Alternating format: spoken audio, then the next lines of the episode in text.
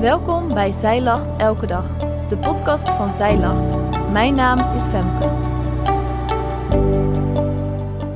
Dit is de overdenking van 19 september, geschreven door schrijfster Mandy Wittekoek. De spanning is voelbaar. Mensen die geloven in wie Jezus is, kijken rijkhalsend uit naar wanneer Hij verschijnt. Komt Hij er al aan? Ze hebben takken van bomen afgehakt en staan te wachten tot ze deze voor hem op de weg kunnen leggen, samen met hun mantels. De koning is onderweg. Het volledige Bijbelgedeelte voor vandaag is Marcus 11, vers 1 tot 14. Dit moet een beetje de sfeer geweest zijn toen Jezus op het punt stond Jeruzalem in te trekken. Ieder mens die gelooft dat Hij de Zoon van God is, hoopt dat alles naar dit moment heeft geleid. De verwachting is dat Hij het koningschap gaat herstellen.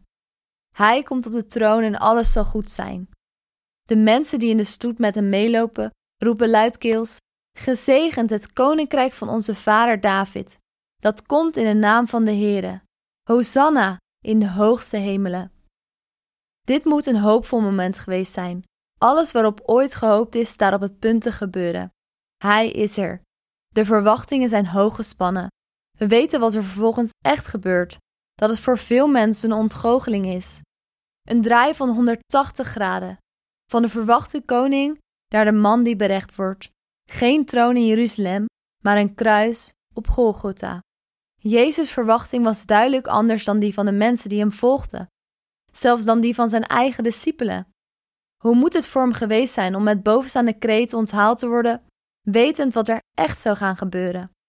Wetend dat hij een hoop mensen zal gaan teleurstellen, omdat hij niet met groot vertoon de heersende machthebber van de troon gaat stoten. Jezus wist waarvoor hij het deed, wat de reden was dat hij op de aarde was gekomen. Om te laten zien wie God is en hoe hij in relatie met de mensen wil zijn.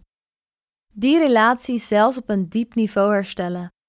Maar hij wist ook dat mensen het pas echt zouden begrijpen als hij helemaal doorlopen zou hebben wat God van hem vroeg: te sterven aan het kruis en weer opgewekt worden. En zelfs dan zou niet iedereen ervan willen horen. Jezus is niet gekomen om aan onze verwachting te voldoen, om ons simpelweg een goed gevoel te geven, om met veel vertoon iets te bereiken. Hij is er voor iets heel fundamenteels: het herstellen van onze relatie met God. Voor minder dan dat doet hij het niet. En als we alleen de show en het simpele van hem verwachten, verwachten we simpelweg niet genoeg.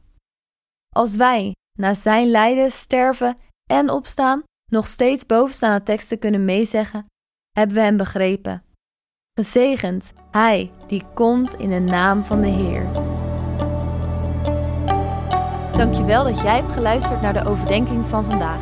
Wil je de overdenking nalezen? Check dan onze website. Je vindt er ook meer toffe dingen die jou helpen om de Bijbel vaker te openen, zoals boeken, Bijbels, cursussen en evenementen. Morgen ben ik weer bij je terug met een nieuwe overdenking.